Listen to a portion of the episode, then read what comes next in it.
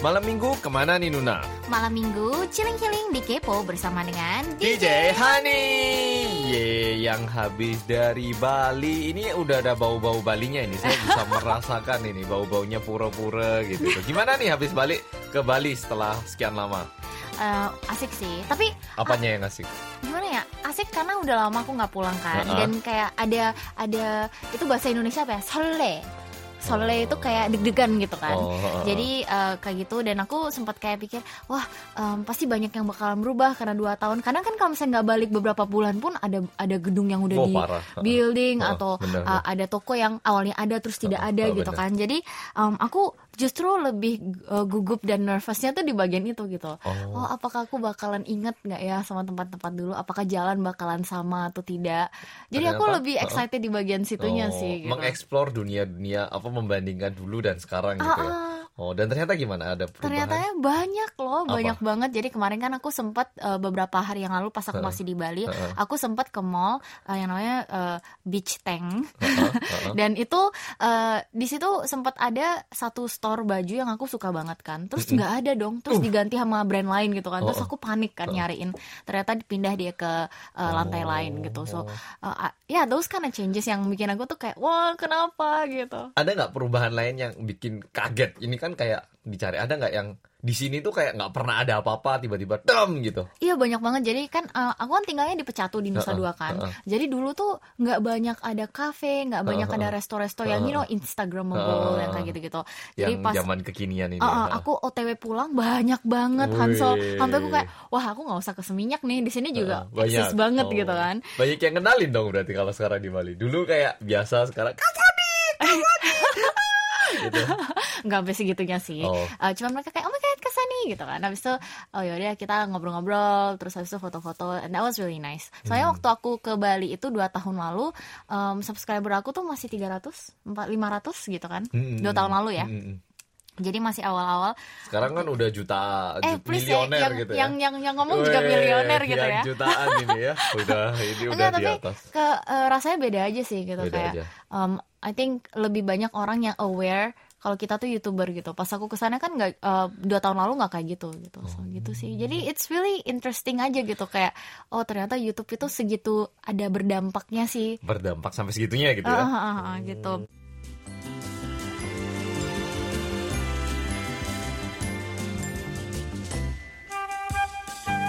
Sekarang mari kita beralih ke segmen Dear DJ. Kemarin-kemarin kita sempat posting di Facebook page KBS Sport Radio Indonesia pengalaman yang paling memalukan dan apa yang buat kamu pingin balik ke waktu itu gitu atau pingin mengulang balik ke waktu itu. Gitu. Hmm, oke. Mau dibacain nggak Hansel? Oke, boleh.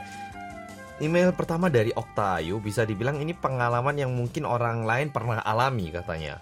Ini bukan cerita aku sih DJ, tapi cerita salah satu temanku katanya. Tapi maaf DJ, mungkin ceritanya agak kurang sopan, entah kenapa aku keinget ceritain lucu ini. Jadi gini ceritanya, temanku waktu itu lagi duduk-duduk di depan kontrakan temennya. Nah, kebetulan di samping dia ada ibu-ibu lagi main sama anaknya. Temanku ini cerita kalau perut dia yang lagi sakit gitu. Jadi, kok kayaknya udah tahu kita ya. Jadi, pada itu dia buang gas terus gitu. Pes. Pret gitu ya begitu ya. Beberapa menit kemudian dia mau buang gas, mungkin karena kebablasan kali ya. Kebablasan ini berarti apakah Ya, coba kita baca. Dia nggak bisa kontrol buang gasnya. Jadi tiba-tiba dia kentut tapi suaranya cukup kedengaran. Pret gitu gitu ya. kayak kayak orang sebelah itu bakal oh ada apa gitu ya. Nah, ibu-ibu yang duduk di sampingnya tadi noleh ke dia dengan raut muka yang bingung. Nah, temanku bilang karena malu akhirnya dia pura-pura bikin suara kentut lewat mulutnya. Jadi Oh kayak my god. habis pret dia langsung kayak kayak pura-pura dari mulut gitu ya. Nah, terus dengan perlahan-lahan dia bangkit dari tempat duduknya sambil tetap bikin suara kentut dari mulutnya. Karena kejadian itu temenku nggak jadi main ke kontrakan temennya. Sekian dari DJ, terima kasih. Wah, Eh lucu tapi ini, nih. tapi ini kalau misalnya dia habis kentut langsung bangun, bukannya baunya langsung kedengar. Tapi baunya biasa- lebih ke arah enggak, ke dia gitu sih? Biasanya kalau bunyinya keras kan nggak bau. Justru yang Oh, nah itu, yang i- itu uh kayak kayak kita bau itu langsung uh, uh gitu. Wah itu itu iya betul sekali. Iya nggak sih kalau suaranya keras relatifnya kayak kebanyakan nggak terlalu berbau gitu loh. Iya ya guguk aku kan nggak pernah bersuara kan. Oh. Oh my god itu teman-teman saya mau pingsan.com karena itu lu dun- dunianya lain gitu itu kentutnya baunya levelnya level level tinggi, Tinggi. gitu Lu udah pernah nggak kebablasan juga kayak gini? A- Em, atau mungkin nggak cuman gas atau ada objek lain yang keluar mungkin bahkan sampai eh gitu. Aduh saya nggak per- Nggak pernah ya? sih gitu Oh. karena aku aku my hidden talent ya guys aku tuh bisa kontrol eh, apa Kentut. perut saya gitu bukan kentut sih perut lebih tepatnya jadi kalau misalnya aku lagi kebelet misalnya mau ke toilet misalnya mau buang yang Air. air Oh, besar oh. gitu kan uh, aku masih bisa kontrol gitu loh jadi even like kayak kentut kayak gitu aku masih bisa kontrol kalau misalnya di di publik jadi I can Oh. hold on to it Oh, gitu punya bakat Iya, talenta bakat saya, gitu ya. ah, Terlahir dengan bakat bisa menahan em, seperti itu. Wow. Iya oke. aku juga uh, kamu ada hidden talent gitu nggak gitu Em, agak side tracking ya teman-teman tapi ini asik hal banget yang soalnya. sangat gak guna sih. Aku bisa gerakin lutut ke arah depan dan belakang. Sangat gak guna sih. Tapi aku bisa gerakin lutut. Jadi lututnya doang yang gerak depan belakang gitu. jadi, Jadi kayak copot copot balik copot balik gitu kayak dong gitu oh sedikit. my god ya, ada hid- hidden talent yang sangat tidak berguna tapi bisa dibanggakan. sekarang mari kita masuk ke Dear DJ yang kedua hari ini Monggo dibacakan Mbak Ya, Sani. baik. Ini dari Alivia Dea. Hai DJ Hani, perkenalkan nama saya Alivia Dea. Dear DJ, kali ini mengenai hal yang memalukan dan ingin kembali ke waktu itu. Hmm, ada satu cerita yang tiba-tiba terlintas di kepala saya. Saat itu saya kelas 2 SMA di mana saya menjadi senior untuk pertama kalinya di organisasi sekolah. Cie. Saat itu adik kelas ada tugas untuk mewawancara kakak kelas yaitu angkatan saya. Waduh. Hari itu, hari Jumat menggunakan seragam pramuka. Saya janjian dengan dua orang sepulang sekolah untuk wawancara. Saat bel pulang, saya khawatir kok adik eh, kok adiknya lama ya datangnya padahal saya sudah ditunggu mamah untuk pulang. Saya sedikit gelisah, tapi saat saya eh, duduk di luar kelas, sahabat saya eh, tanya, "Tumben belum pulang?" Saya dengan bangganya menjawab, "Ada wawancara sama adik kelas. Ya biasa kayak aku dulu, tapi kali ini aku yang senior." Yeah. Benar-benar saya kali ini nge-fly pride, nge-fly pride-nya tinggi. Wah kakak kakak. Setelah itu menun- menunggu beberapa lama menit akhirnya kedua kelas eh, kedua adik kelas datang. Awalnya pura-pura nggak kenalin, tunggu mereka menyapa dulu. Aduh jahat sekali saya, maafkan saya ya gengsi, dek. gengsi, gengsi seorang senior. Betul. Masa saya dulu yang nyapa gitu ya? Kamu duluan. Gitu. eh, eh. Setelah menyapa, mulai deh wawancara dimulai dengan nama divisi DLL. Nah, sahabat saya datang lagi melihat saya wawancara. Mereka ngeledek saya, eh cie, Cie, jadi eh, subsen, In- subsen ya? intinya begitu. Dengan sok-sok malu, padahal Hmm. bangga saya senyumin mereka terus berusaha menyuruh mereka pergi dengan menendang kaki saya. Maksud hati-hati udah, hah? Maksudnya apa nih? Gini loh, pergi dengan menendang kaki, Oh, kaki saya. Ah, ah, Maksud ah. hatinya gitu loh, kayak Oh, maksud oke. dalam hatinya gitu. Oke oke oke. Namun akhirnya terdengar suara buk karena rok saya sempit. Akhirnya waktu menendang saya terjatuh terduduk di hadapan sahabat saya. Oh, Hah? kepleset gitu. Oh my god, dilihat orang-orang lain di, di sekitar, tetapi mereka tidak mengubris dan adik kelas saya melihat dari belakang. Wah, di situ saya malunya tingkat dewa. Sahabat saya sambil tertawa ber- berusaha menolong saya. Saya cuma bisa bilang tidak apa-apa untuk menjaga pride saya di depan adik kelas. Dengan masih malu-malu, saya berusaha flat melanjutkan wawancara dengan adik kelas. Padahal kakinya bokongnya itu lagi Iya, sakit tuh sambil digosok-gosok. Udah Ah. malu.com banget itu. Karena adik kelas khawatir juga dengan saya. Mereka bertanya, nggak apa-apa kak. Waduh, di situ saya makin malu. Saya ingin sekali mengulang kejadian itu dan tidak terlalu bangga karena menjadi senior yang tidak mudah. Saat itu seperti kualat, jangan sombong-sombong, cuman gitu saja. Sekian cerita saya. Sampai jumpa di cerita-cerita selanjutnya. Bye-bye. Closing Closing ala Kak Hansol. Bye bye. Cie. Oh, kayak gitu. Bye bye gitu ya. Aduh, tapi ini lucu banget sih. Aku tuh Oh, nggak pernah loh di depan gitu. adik kelas kayak gitu. Maksudnya gengsi akan senior gitu. Enggak, enggak pernah kayak ada kejadian lucu yang kayak sampai jatuh gitu. Eh, aku pernah, Ding. Aku pernah, tapi nggak sama di kelas.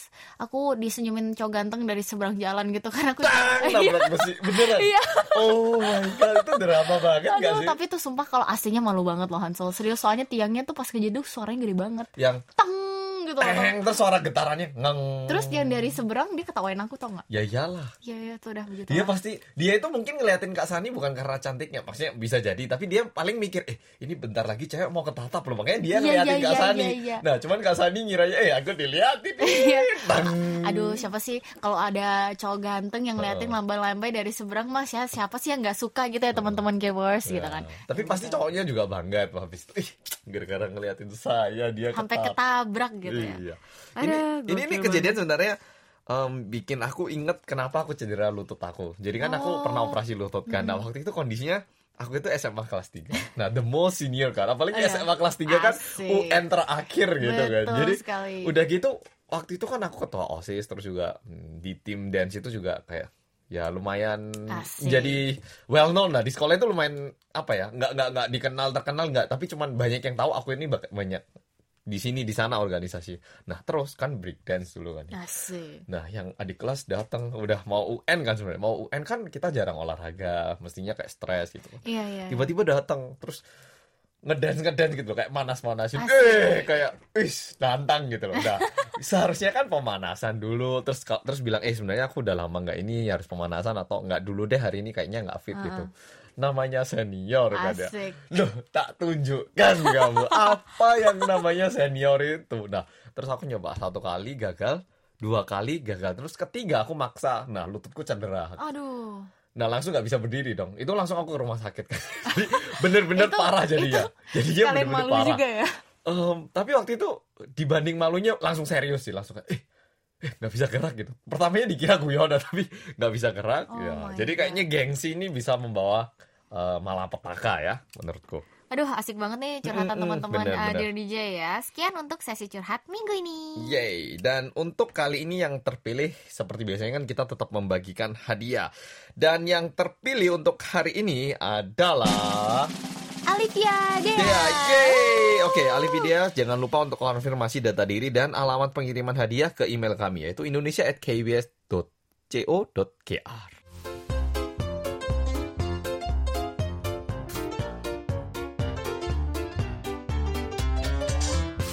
Sekarang mari kita masuk ke segmen teka-teki. Jadi harus dengerin dari awal sampai habis. Benar teman-teman dan harus didengerin setiap minggu loh, jangan sampai kelewatan. Jadi nanti setiap pertanyaan teka-teki minggu depan akan kita bacain dalam program Kepo minggu ini.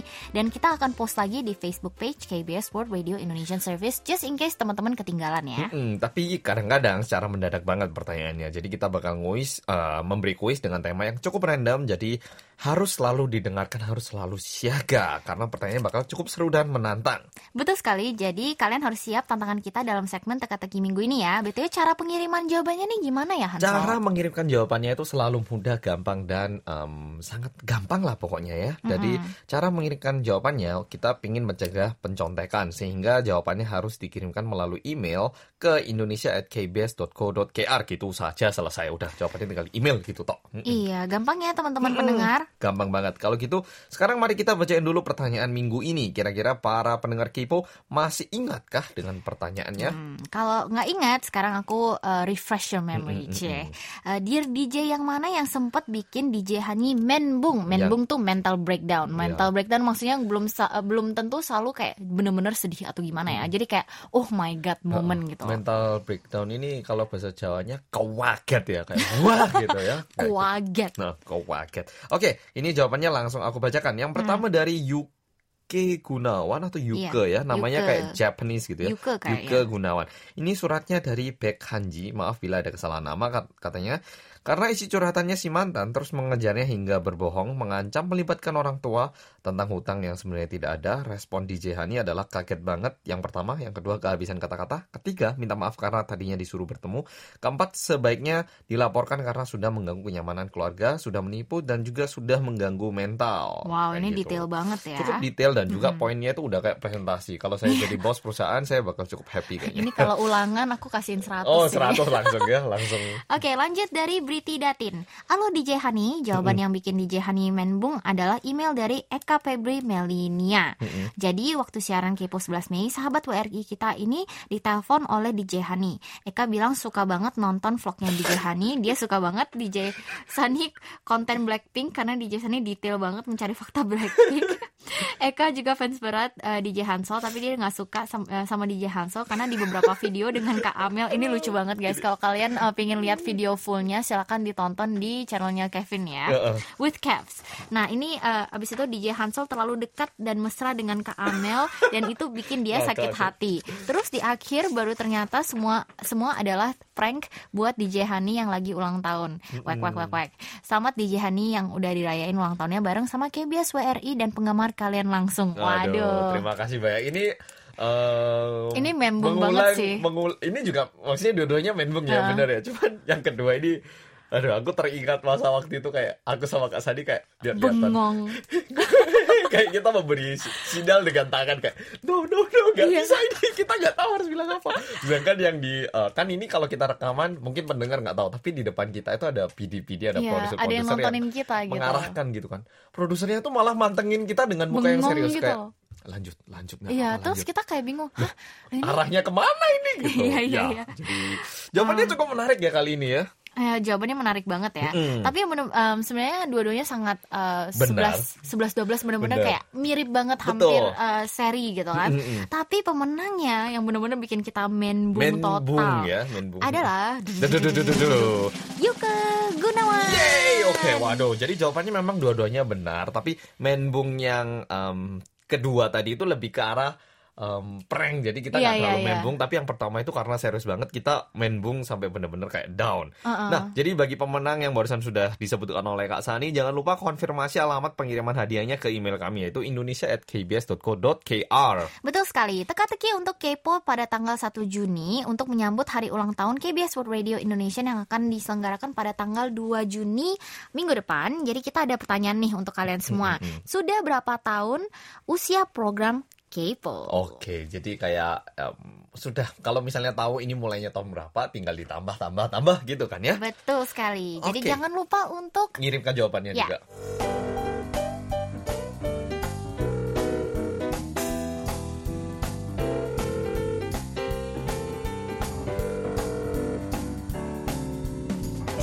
Hani Hani Call. 여보세요. Hani Call semanis DJ Hani. Ini nih segmen yang gokil parah dan salah satu segmen yang Super kece kece. banget, betul Oh. sekali yaitu Honey Call. Nah, di segmen kali ini kita bakal menelepon salah satu orang yang paling pingin kita bicara bareng mungkin ya. Namanya Pendengar Lina. Mm, Lina Purwanti. Katanya aku mau ngobrol sama DJ Hani dong gitu. Jadi sama saya dan juga eh, Kak Sani. Karena biasanya aku hanya mendengarkan mereka. Oh. Sekarang mau coba berinteraksi sama mereka. Semoga bisa menjadi kenyataan. Waduh. Waduh, betul sekali. Yuk sekarang mari kita telepon Mbak Lina Purwanti.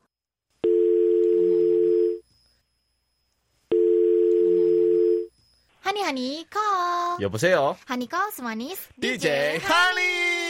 Halo. Halo, selamat siang. Halo. Kedengaran kah? Halo, selamat siang. Kedengaran? Waduh, gimana nih kabarnya hari ini? Iya gimana nih? Oh, alhamdulillah. Ya, alhamdulillah baik. Kakak gimana kabarnya di DJ Hani? Kayaknya udah lama kita tidak diwawancarai seperti Iya, ini. betul Oh, baik. sekali. Kalau aku baik. Kak Sani gimana nih? Aku juga baik dong.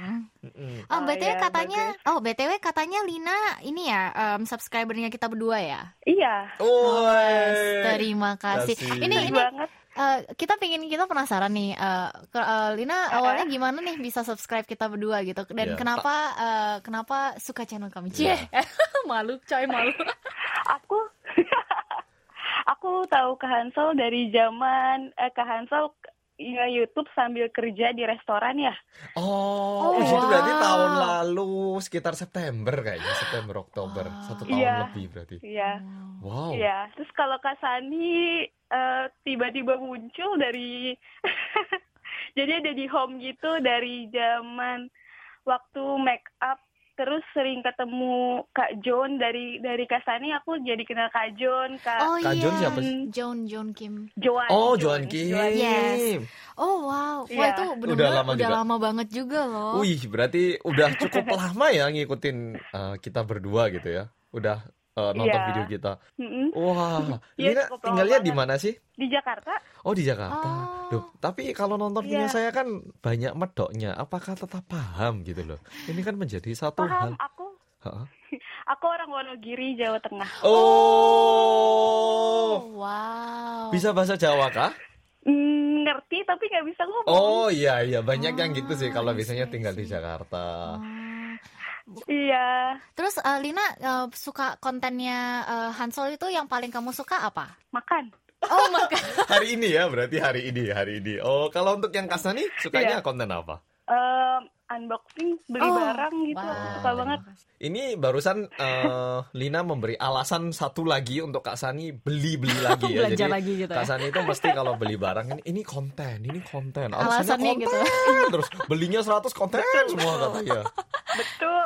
Oh betul. Pernah nggak kebantu dari kontennya Kak Sani unboxing produk apa? Waktu itu mau beli terus lihat unboxingnya jadi kayak lebih eh, mendapatkan pencerahan. Akhirnya sampai beli. Ada nggak kejadian kayak gitu? Aku suka ngeliat orang unboxing gitu. Oh. Jadi ngeliat senangnya di situnya. Oh. Kemarin Kansol baru buka unboxing kado kan dari Bolo. Oh suka berarti suka lihat orang bongkar-bongkar hadiah gitu ya? Iya. Oh. Unboxing itu konten asik loh. Soalnya aku juga sebenarnya suka Oh. nonton unboxing youtuber lain gitu. Yang bikin unboxing itu asik buat Lina apa sih? Yang bikin eh, tertarik dengan unboxing apa sih? Pengen tahu aku kalau Tertarik aja cara ngebuka kadonya terus pasti terkejut ngeliat isinya kan. Oh, reaksi-reaksinya Oh, gitu ya. reaksi-reaksinya. Reaksinya. Hmm, Kak Sani ini berarti ditanya ini sama Lina. Unboxing berikutnya apakah ada dan mungkin bisa diberikan clue sedikit nih gitu. Uh, unboxing yang Unboxing selanjutnya. apa, Kak? Aduh, ini kayak konten spoiler ya. Heeh. sedikit lah kan iya. sudah telepon. Eh nggak apa-apa nggak apa-apa kok aku aku seneng bisa sharing-sharing. Oh gitu, berarti semua kontennya tolong Iya. diberitahu. Enggak lah ya, enggak Yang sampai segitu. berhubungan sama ulang tahun aku sih unboxingnya. Woi. Jadi- Oh, oh iya iya. Oh iya iya. Oh. Iya, jadi nanti coming soon ya. Makasih Lina. Iya. Oh, seperti itu. Uh, uh, jadi gitu. Um, btw Lina um, ada ini nggak kira-kira pesan untuk kita? Heeh, masukan Uh, juga masukan boleh. juga boleh. Heeh. Apa apa aja yang menurut Oh, ya. uh, kamu yang pengen kamu utarakan ke kita gitu. Mm-mm, Jangan diselatankan. Iya, sebelumnya Maaf ya, saya sebelumnya selamat ulang tahun ya buat kalian berdua. Ah. Oh, Terima terima kasih. kasih. Kak Sani udah deket 30 ini ya, by the way. Ah, nyebelin banget ya. Heeh, terima kasih. Bercanda kok Iya. ya. Aku ya, aku mau tanya pendapat kalian tentang satu sama lain dan sekarang kan kerja bareng jadi DJ gimana pendapatnya gitu. Oh, Aduh. ah, boleh aku duluan nggak? Kesan-pesan. Iya. Oke, Kak Sani. Oh, ini, ini aku nggak pernah kepikiran. Wah, ini tahu gini kita nyiapin kamera nih Iya buat konten. iya Oke, nih, yaudah Kak waduh. Sani dulu lah. Terus harus ada lagunya di belakang. Tut, sih salah paham nanti. Oke, eh, nggak bercanda kok. Um, kalau aku sih awalnya um, sebelum kerja bareng kita kan memang udah temenan kan. Jadi oh, Iya. waktu wak- tapi waktu itu kita belum begitu deket gitu kan. Waktu pertama KBS, Ah, KBS ah, gitu. ah, ah, belum begitu deket-deket banget. Iya sih, lumayan sih, lumayan baru- tapi belum wah gitu ya, sih. baru agak masih kayak Pengena- ken- iya, pengenalan lumayan gitu kan. lumayan deket tapi belum bisa dibilang deket banget gitu. Loh. ah. Ah, ah, Tapi setelah Iya. uh, kerja bareng KBS banyak sih yang aku bisa lihat dari sisi Hansol yang lebih kayak manusiawi gitu sih. Loh, Jadi emang kadang sebenarnya apa robot banget kan? bukan bukan bukan Halo Kak Sani. bukan soalnya kita setiap kali kayak hangout kan masih kayak bentar-bentar gitu Oh, kan. ngevlog, Tapi ngevlog doang. uh, uh, Iya. kalau misalnya pas kerja itu si Hansol kadang ya ada kala di mana dia pagi-pagi bangun kayak habis disamber petir gitu ya rambutnya.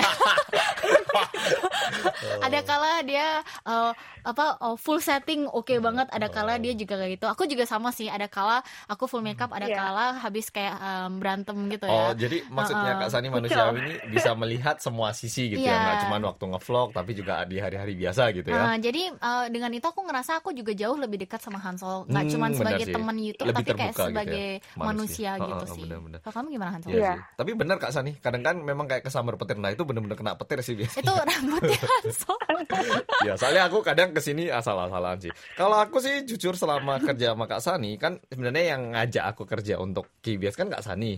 Ini mungkin belum pernah Iya. kita bicarakan Oh, iya, di iya, luar iya. sih. Cuman Kak Sani dulu yang udah fix kerja, terus aku kayak diajak bareng gitu loh, jadi co-hostnya. Nah, Iya. pertama waktu itu kan kita belum deket banget ya memang Iya, ya. Terus iya, udah gitu aku masih kerja kantor. Jadi Iya, kayak iya, iya. aku masih bimbang.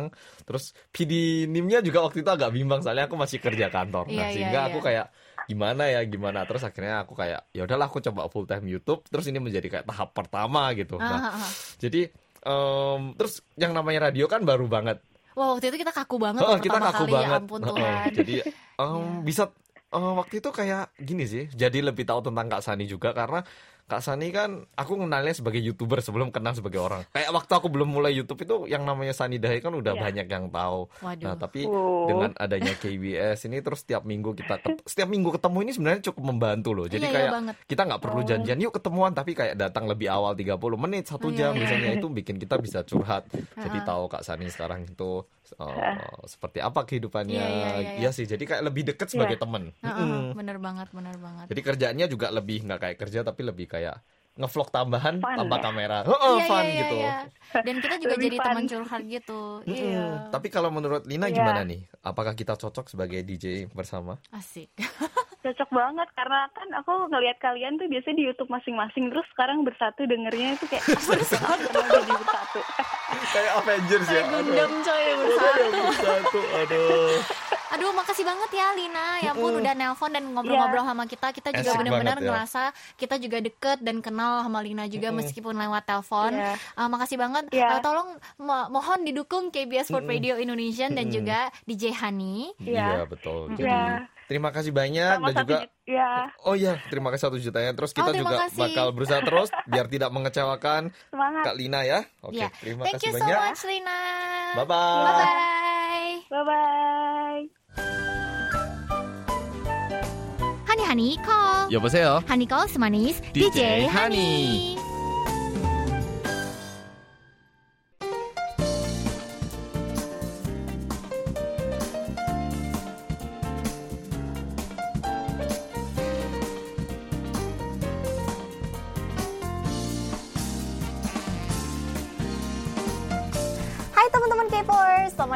Segmen Sunny Side di mana kita bakalan membahas lifestyle, fashion, dan beauty yang lagi ngetren banget di Korea. Dan hari ini aku udah banyak banget bawain konten-konten asik untuk kalian semua, topik yang asik. Jadi, Kayak ya, gitu. mari Nah, kita mulai. Kalau gitu kan kita udah nggak sabar ini ya. Kan cuma seminggu sekali soalnya. Kalau hari ini yang mau kita bahas itu apa sih Kak?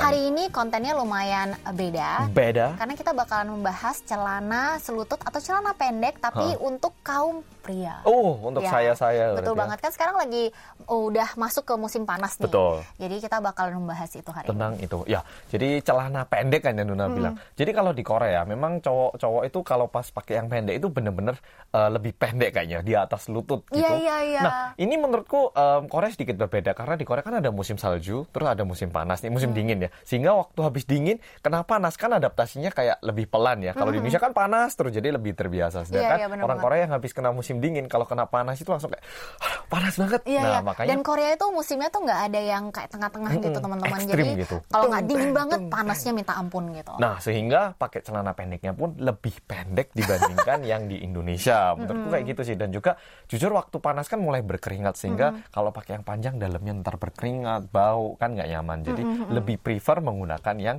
pendek sih. Betul nah, banget. Tapi kalau untuk warnanya kan Kak Sani kita semua udah tahu lebih ahli, lebih masternya gitu ya. Mungkin bisa dijelaskan nggak kalau warnanya itu cocoknya kayak apa? Nah, jadi gini pendek? di Korea banyak banget sekarang kaum kaum pria yang suka mix and match warna-warni gitu. Jadi atasannya misalnya warna pink, bawahannya warna mint atau misalnya atasannya warna kuning, bawahannya warna putih celananya gitu, gitu. oke, Jadi eh, banyak yang mikir kalau warna-warna itu kalau udah yang namanya celana pasti lebih identik ke cewek-cewek karena lebih kayak warna-warni dan warna itu lebih identik ke wanita gitu kan. Dan cowok-cowok lebih kayak color palette-nya tuh lebih terbatas gitu. Padahal sebenarnya di Korea semua kaum tuh memakai gitu. Mm-mm, betul. Dan sebenarnya tidak tidak terlihat norak kalau misalnya kita bisa jago memix mix and match baju tersebut. Dan di Korea lagi ngetren banget cowok-cowok pakai celana pendek gitu ah, dan warna-warni juga. Jadi em, menurut kamu sebenarnya gimana nih Hansol kayak em, warna apa yang sebenarnya kalau warna-warni em, Bagus gitu, bakalan Kak. kamu pakai gitu Kalau aku sih yang pertama paling aku prefer itu warna putih. oh iya ya bener Ya, banget celana warna putih itu memberi kesan kayak nyantai banget, tapi juga clean. Bersih. Heeh, bersih. Terus atasannya pakai baju apa pun hampir cocok. Iya, betul sekali. Pakai warna kuning, kayak hitam, kayak pakai putih juga boleh. Tapi em, jeleknya satu, kalau duduk harus hati-hati, Iya, jangan iya. di tempat kotor. Iya betul sekali dan kalau mau makan jangan makanan yang warna-warni gitu. Nah, itu sih. Kalau aku lebih prefer warna putih ataupun warna-warna yang krem yang lebih mudah. Kalau aku lebih milih yang warna yang lebih mudah karena aku nggak terlalu ahli gitu. Kalau Kak Sani ada nggak warna yang mungkin bisa direkomendasikan kepada kaum pria atau mix and match yang bagus? Jadi cowok-cowok yang bingung, aku ada celananya nih tapi bingung atasannya kayak gimana? Ada Oke, nggak? jadi sebenarnya menurut aku gini, em, suatu warna dan fashion itu Wah. sebenarnya bukan eh, terbatas hanya di kaum pri- eh, kaum wanita. Betul, Jadi ha, sangat setuju saya. eh, menurut aku tuh fashion itu adalah sebuah Seni. ekspresi, ekspres self expression gitu Ya, ya. yang bisa disalurkan Iya, dan betul. ditunjukkan kepada banyak orang. lebih mencerminkan kepribadian Betul. kita. Jadi uh, untuk kaum kaum kaum kaum Pria. pria, jangan merasa, aduh aku nggak bisa, aku nggak cocok dan aku nggak pantas memakai baju-baju yang berwarna itu salah. Karena uh, semua uh, karena warna-warna apa pun tuh Tidak. kita uh, ada yang salah. ya wajib untuk dicoba gitu. Maksudnya kayak never try never know gitu Heeh, kan. nggak perlu Dan menurut aku warna yang cocok untuk kamu laki-laki kalau kalian lagi pingin uh, berpetualang dengan warna dan pingin mencoba different style gitu ya. Uh, warna putih adalah warna yang paling aman untuk dicoba Betul. pertama. Kayak Dan yang yang kedua, kalau misalnya kalian memang sudah biasa dengan warna palette yang agak tua misalnya uh, biru tua, abu tua, heeh. hitam, Kaki gitu putih gitu, kaki uh, nggak salah untuk mencoba biru muda. Oh, biru Karena muda. biru muda itu sebenarnya gampang banget di mix and biru langit gitu Iya, nggak sih iya, yang biru match. cerah gitu iya itu bagus juga sih Atasannya warna putih seperti ini juga sangat betul. bagus gitu. Jadi kelihatannya tuh lebih uh, dandy gitu, Heeh, dan dandy juga cerah ya juga kesannya. cerah, classy juga gitu kan, dan simple gitu. Dan ini penting banget menurutku warna cerna karena musim panas kan udah panas. Tapi bayangkan kita melihat orang yang pakai baju hitam itu jadi kayak huh, tambah panas lagi Iya gitu. iya iya dan Tapi jangan lupa warna hitam itu menyerap panas juga Heeh, loh. jadi gitu. kalau pakai putih yang pakai juga seger, yang ngelihat juga oh lumayan seger ya gitu, agak membantu gitu. Dan warna lain yang aku rekomen adalah warna kuning tapi mustard. Karena kuning yang mustard itu sebenarnya warna kuning yang agak sedikit gelap yang tidak akan terlihat norak dalam dalam situasi dan kondisi apa pun gitu. Hmm. Jadi atasannya bisa kalian mix and match dengan warna yang agak sedikit eh, kuning atau krem atau kalian bisa mix and match dengan warna putih atasan. Oh, atasan iya putih sih. itu selalu Paling- untuk paling cowok mudah paling sih mudah sebenarnya. dan pasti aku yakin banyak kaum-kaum pria yang memiliki t-shirt banyak gitu kan, Aduh. warna putih di rumah. Kok tahu gitu. sih? Iya. Dan yang terakhir, karena tahun ini trennya adalah coral, um, warna pentennya adalah coral. Jadi nggak nggak salah, Salah untuk juga. mencoba warna coral uh, di mix and match dengan kaos warna putih juga. Karena um, celana pendek di Korea ini untuk kaum pria adalah Warna- suatu warna point atau warna statement yang kalian ingin kasih lihat kayak nih Betul, aku hari betul. ini pakai tapi agak sedikit fashionable juga Betul, gitu. betul, betul juga. Gitu sih. Jadi atas putih, sepatu putih, terus poinnya itu di celananya doang. Ah, ah, itu betul. kayaknya bagus banget. Ah. menurutku. jadi ya jangan terlalu balapan warna kayak saat, jadi di uh, aku dulu ingat banget waktu uh, beberapa tahun lalu aku belajar ada three uh, three point color gitu. Oh. Jadi uh, fashion itu nggak boleh uh, lebih dari tiga warna uh, kalian mix and match gitu. Karena gitu. kalau misalnya lebih dari tiga, aku yakin 100% warnanya bakalan nabrak gitu. Oh, saya langsung Ya, jadi melihat diri color sendiri. rule, color blocking namanya. Oh. Aku ingat banget ini. Jadi color blocking nggak boleh atas warna Kuning, kuning, bawahnya biru, biru, terus bawahnya coklat. Iya, hijau misalnya, Ah, hijau. hijau gitu kan. Ya itu kalian bakalan jadi kayak walking traffic light gitu. Oh. Jadi uh, kalau bisa um, warnanya tuh untuk cowok-cowok simpelin aja dua atau sampai tiga maksimum. Kalau kalian lebih dari tiga warna yang dari baju kalian sampai tas, aku yakin itu bakalan kelihatan sangat nabrak. Iya, dan juga yang pasti warnanya itu yang serasi, jangan merah sama hijau gitu kan. Pasti kayak Atau kuning sama hijau. Nah, Waduh itu jadi juga. kayak pohon Natal atau Iya, kayak betul pohon sekali. berjalan. Jadi ya kayak gitu Ya, sih. Asik banget ya. Iya, ini bener. Sarapnya bisa saling uh, mengisi juga dan Membagi juga aku juga belajar juga. dari Heeh. uh, point of view-nya kaum kaum pria. Ya, kita juga tahu apa yang disukai cewek karena ujung-ujungnya kan yang lihat cewek gitu. Kita pengen dilihat cewek. ya kalau aku sih uh, personalnya aku lebih suka um, cowok yang nggak terlalu banyak Warna. warnanya. Jadi satu poin dan di Korea tuh memang pak saya tahu Kak jago. Sani, saya Uh, tahu, saya uh. tahu kok. Ya di Korea jago uh, uh, jago dalam itu gitu. Jadi simplicity gitu. Betul sekali. Ya, cukup sudah untuk Sunny Sairab minggu ini. Terima kasih banyak teman-teman K-popers sudah mendengarkan dan juga menonton. Betul. And yeah, we'll see you guys in our next one.